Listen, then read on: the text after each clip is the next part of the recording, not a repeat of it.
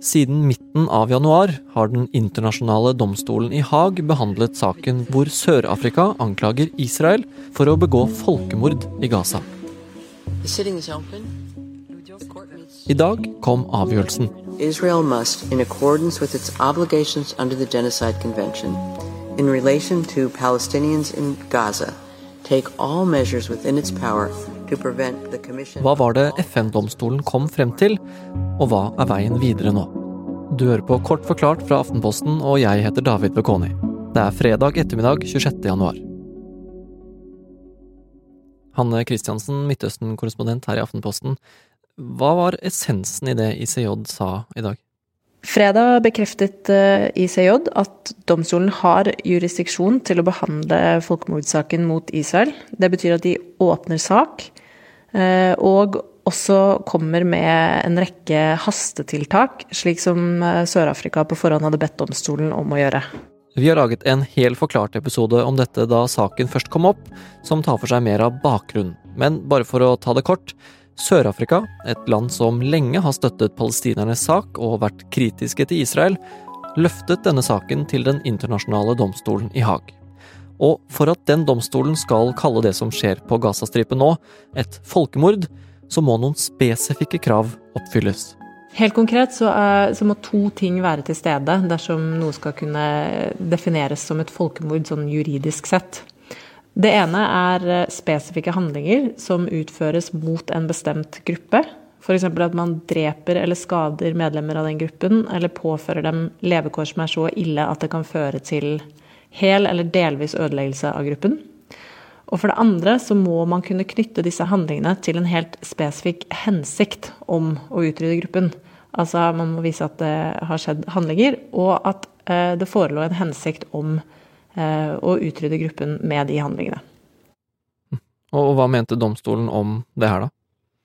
Presidenten for ICJ, Joan Donoghue, hun sa at minst noen handlinger ser ut til å være i stand til å falle inn under folkemordkonvensjonen. Det betyr ikke at ICJ per i dag tar stilling til hvorvidt de gjør det, men at det er eh, plausibelt nok til at domstolen vil ta opp saken til behandling selve spørsmålet om hvorvidt Israel faktisk begår folkemord nå, det kan ta flere år. Og Derfor hadde Sør-Afrika på forhånd bedt domstolen om å komme med flere hastetiltak mens saken behandles. Og, og hva er det domstolen krever at Israel gjør nå, da? I utgangspunktet så ville jo Sør-Afrika at ICJ skulle kreve en umiddelbar stans i krigføringen, en våpenhvile, eh, mens saken behandles. Så langt gikk det ikke eh, fredag. Eh, I stedet så krever domstolen at Israel må gjøre alt de kan for å forhindre et folkemord på Gazastripen. Og det innebærer bl.a. at eh, Israel må sørge for at landets soldater ikke begår folkemord. Eh, at de må straffe alle uttalelser som maner til eller oppfordrer til folkemord, sånn som Sør-Afrika viste en del eksempler på i, i, sin høring for to uker siden. Eh, og Israel ble også beordret til å åpne for at mer humanitær hjelp når palestinerne på Gazastripen. Så er det verdt å legge til at de også ba Hamas om å legge ned våpenet og umiddelbart eh, løslate alle de gjenværende israelske gislene. The court is acutely aware of the extent of the human tragedy that is unfolding in the region and is deeply concerned about the continuing loss of life and human suffering. Domstolen la til at det de vedtar her, er bindende. Likevel har de ingen makt til å håndheve disse beslutningene. Så hva skjer nå? Israels statsminister Benjamin Netanyahu han hadde på forhånd eh, varslet at Israel eh, ikke vil eh, føye seg etter et krav om umiddelbar stans i krigføringen.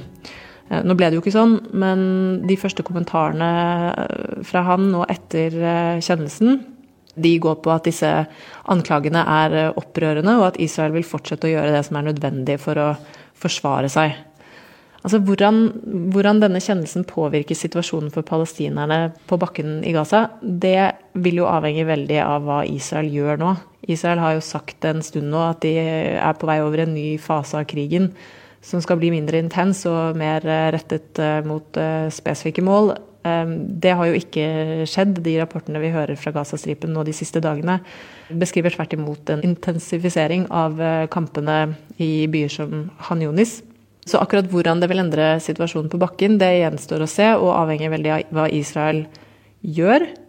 Men hvis Israel velger å ignorere domstolens pålegg, så vil det få flere konsekvenser for Israel. Blant annet så vil jo det legges merke til av de dommerne som nå i tiden framover skal behandle spørsmålet om eh, hvorvidt Israel begår folkemord.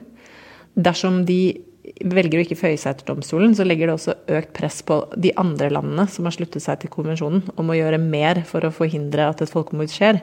Og da vil kravet om boikott og sanksjoner f.eks. få veldig mye større tyngde. Og så vil land som USA, som bidrar med våpen til krigen, måtte tenke seg nøye om eh, hvorvidt de skal fortsette med det, ettersom de selv kan bli beskyldt for medvirkning til folkemord, eh, nå som denne saken behandles.